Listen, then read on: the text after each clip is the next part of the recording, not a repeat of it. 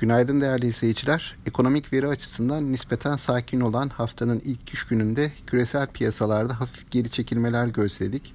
Burada özellikle ABD tarafında Tesla ile ilgili haberler e, geri çekilmede etkili oldu. Nispeten teknoloji hisselerinde de satışlar, kar realizasyonları vardı.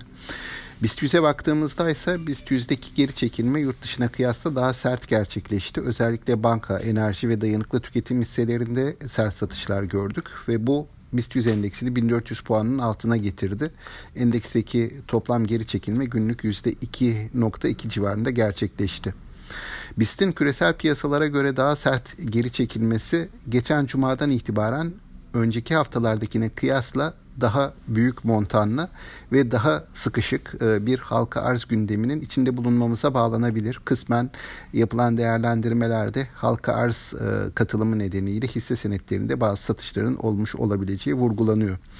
Buna karşılık bazı sektörlerde ki bunların arasında petrokimya ve demirçelik ön plana çıkıyor. Daha dirençli bir e, eğilim gözlemledik. Bu eğilimde tabii ki bu sektörlerin küresel toparlanma beklentilerini daha iyi yansıtması ve bundan daha fazla faydalanabilecek olması beklentisiyle ilişkilendirilebilir.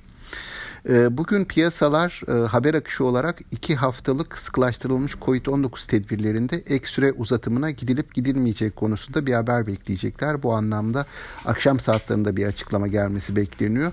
Dolayısıyla gündem bir ölçüde buraya da kaymış olacak.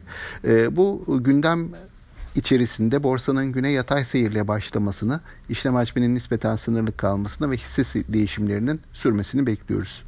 Tüm izleyicilere sağlıklı, bol bereketli, kazançlı günler dilerim.